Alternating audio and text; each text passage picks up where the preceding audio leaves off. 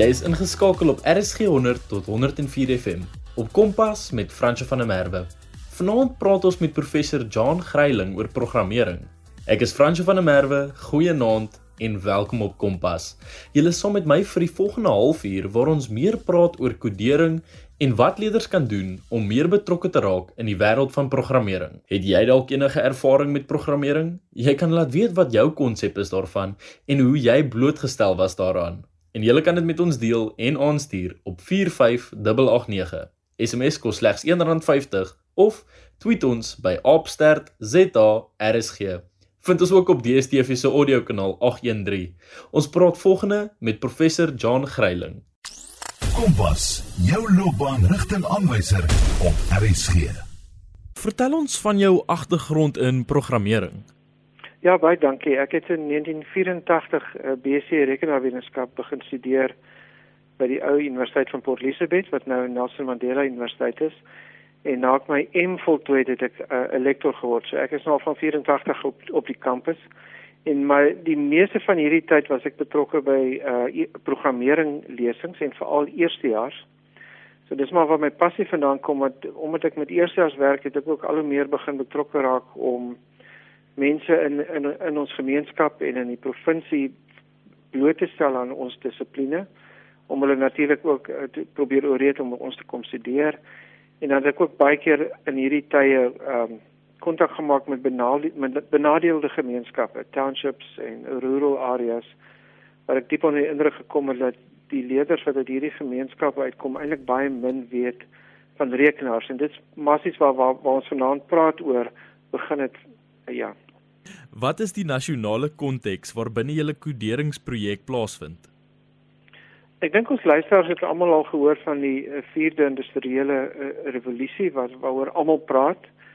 Ehm um, vir ons konteks beteken dit dat daar 'n geweldige skaars uh, tekort is aan sagteware ontwikkelaars.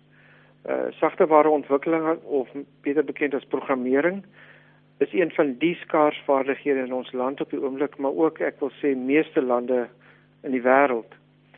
Uh nou met COVID die afgelope 2 jaar het hierdie eintlik kom ons sê vererger.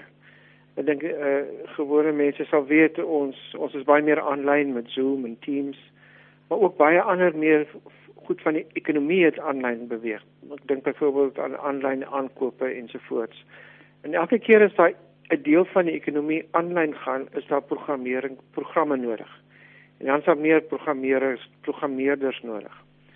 So ons praat nou al van 'n desperate tekort aan aan programmeerders in Suid-Afrika Hier's maatskappye hier in Koberga wat vir my sal sê hulle kan môre 150 aanstel as hulle hulle net kan kry.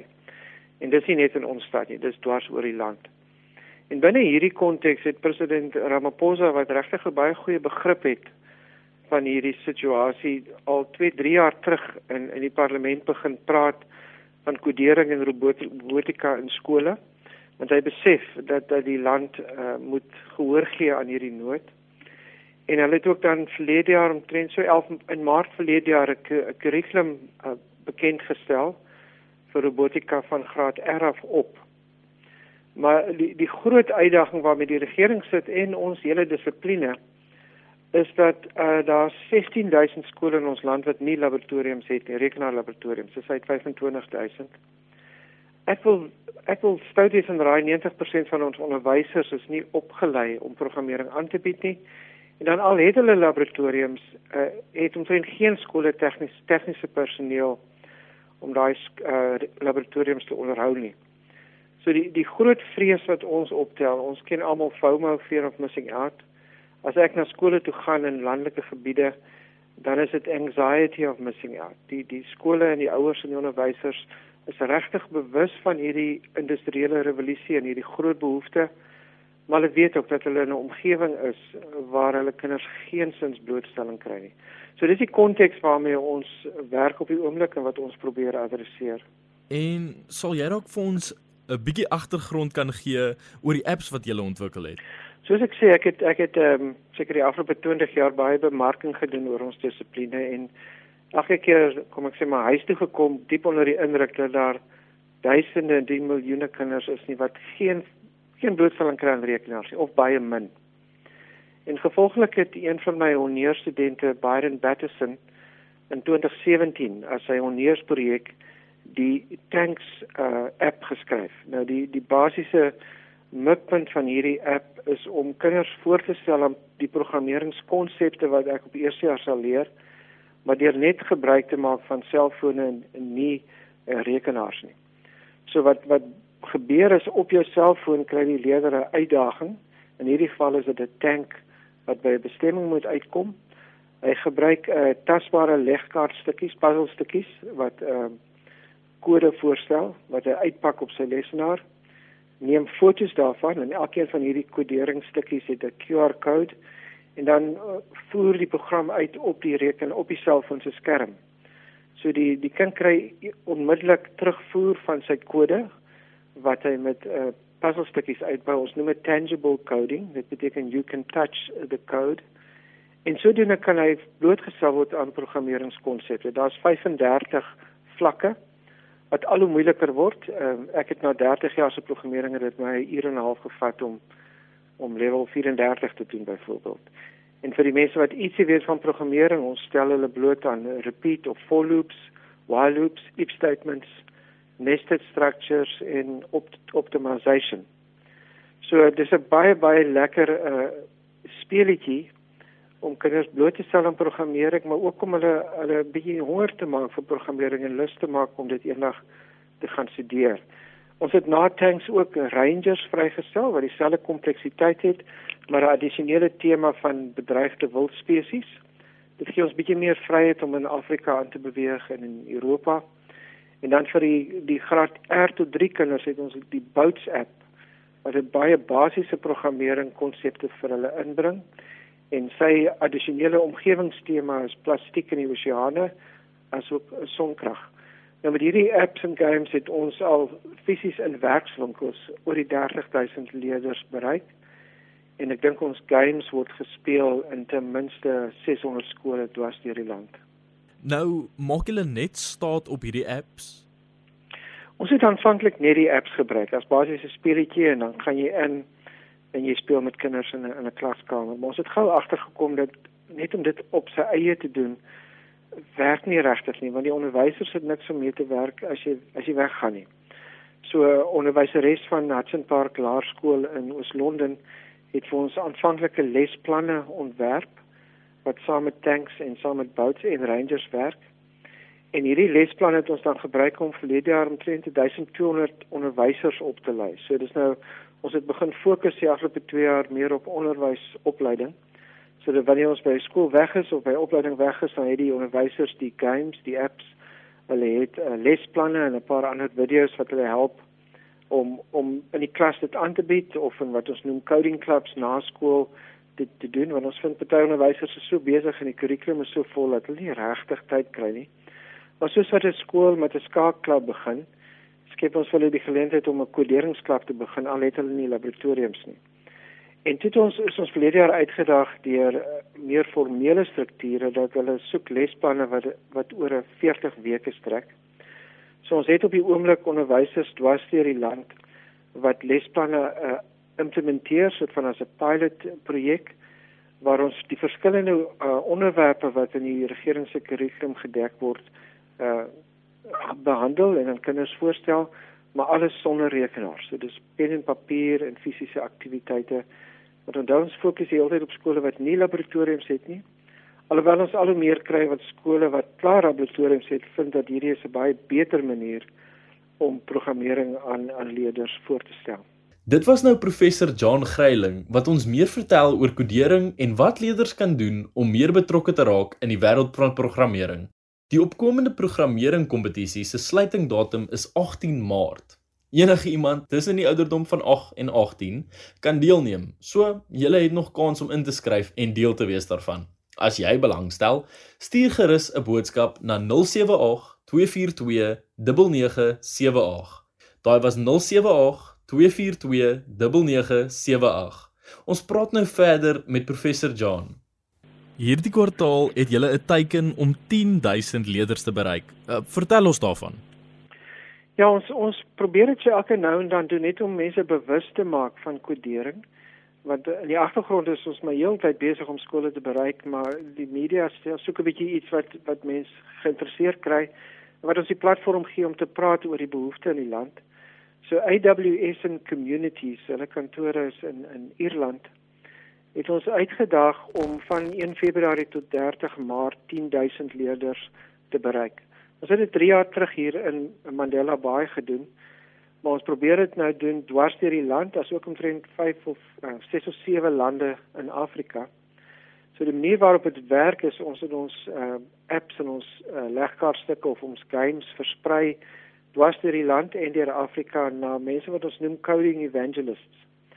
Dis jong mense wat ons opgelei het om ons apps te gebruik en hulle gaan dan nou in skole in of in gemeenskappe in of waar ook al daar kinders bymekaar is byvoorbeeld Johannesburg en eThekwini en Kaapstad biblioteke werk saam met ons van die Wildsparke in die Oos-Kaap en dan speel hulle na hierdie koderings uh, games met die kinders en hulle is almal op een groot WhatsApp groep en letterlik so elke nou en dan kry ek 'n foto van eers in Afrika of in die land soos hulle gespeel het en ons is vasoortuig dat ons gaan 10000 leerders bereik voor die einde Maart ons het uh, ons gaan teen vanaand net so onder 2000 wees Uh maar dit is net 'n manier om 'n bietjie entoesiasme aan die gang te kry in die media onder skole, nie net oor ons games nie natuurlik, maar om net vir die die mense daar buite bekend te maak en dan praat ek met ouers nou.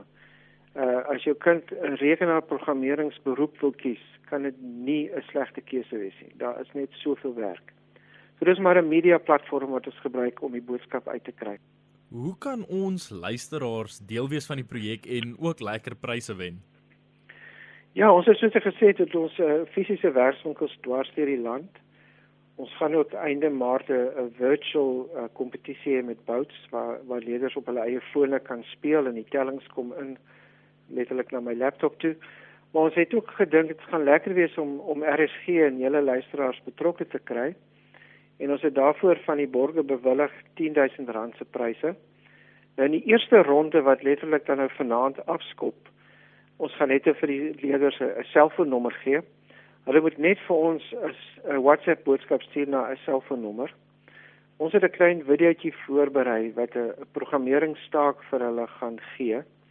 Ek gaan hulle 'n bietjie oplei oor wat ons noem block coding.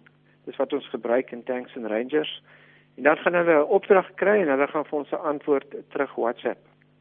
Ek moet bevestig, weet beklemtoon dat jy geen programmeringsagtergrond nodig het nie. Ehm um, jy kan die video kyk, jy kan hom meer as een keer kyk, jy kan meer as een keer 'n antwoord instuur. Ons gaan dan die 20 beste antwoorde kies. En ek dink ons kan die sluitingsdatum maak Vrydag 18 Maart.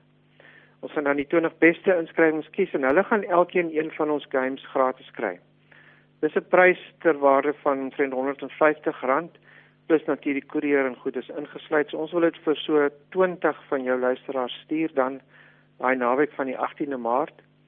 En dan het hulle so 2-3 weke om 'n volgende uitdaging aan te vat, daai 20 finaliste. En dan sal ons die top 2 kies, seker vroeg in April en ons wil vir hulle elkeen 'n rekenaar tablet stuur ter waarde van so 2.500 rand. So die eerste 5000 rand gaan vir die eerste 20 finaliste en hulle gaan ek sal nou vir hulle die selfoonnommer gee. En dan die laaste 5000 rand is vir die twee top wenners en dis als programmeringskompetisies. Dit gaan nie sommer net luck of the draw wees nie. Die die leerders gaan bietjie moet dink en, en deelneem en hulle kry elkeen 'n tablet. Kan jy dalk ook vir ons 'n bietjie meer inligting gee in watse loopbane of beroepe daar is vir hierdie jong mense as hulle nou wel besluit om in die programmering loopbaan te betree? Baie dankie. Ja, dis 'n dis 'n belangrike vraag. Ek ehm um, Ons het al navorsing gedoen en in ons dissipline is daar oor die 300 verskillende beroepe en hulle word soort van elke maand is daar nuus. So ek sê altyd as ek na skole toe gaan, dis nie soos jy gaan studeer medies en jy word 'n dokter nie of jy gaan studeer regte en jy word 'n regter of 'n prokureur nie. Daar is net soveel beroepe. Ehm uh, natuurlik is die die belangrike een die een wat die meeste mense sal van weet is is programmeerder.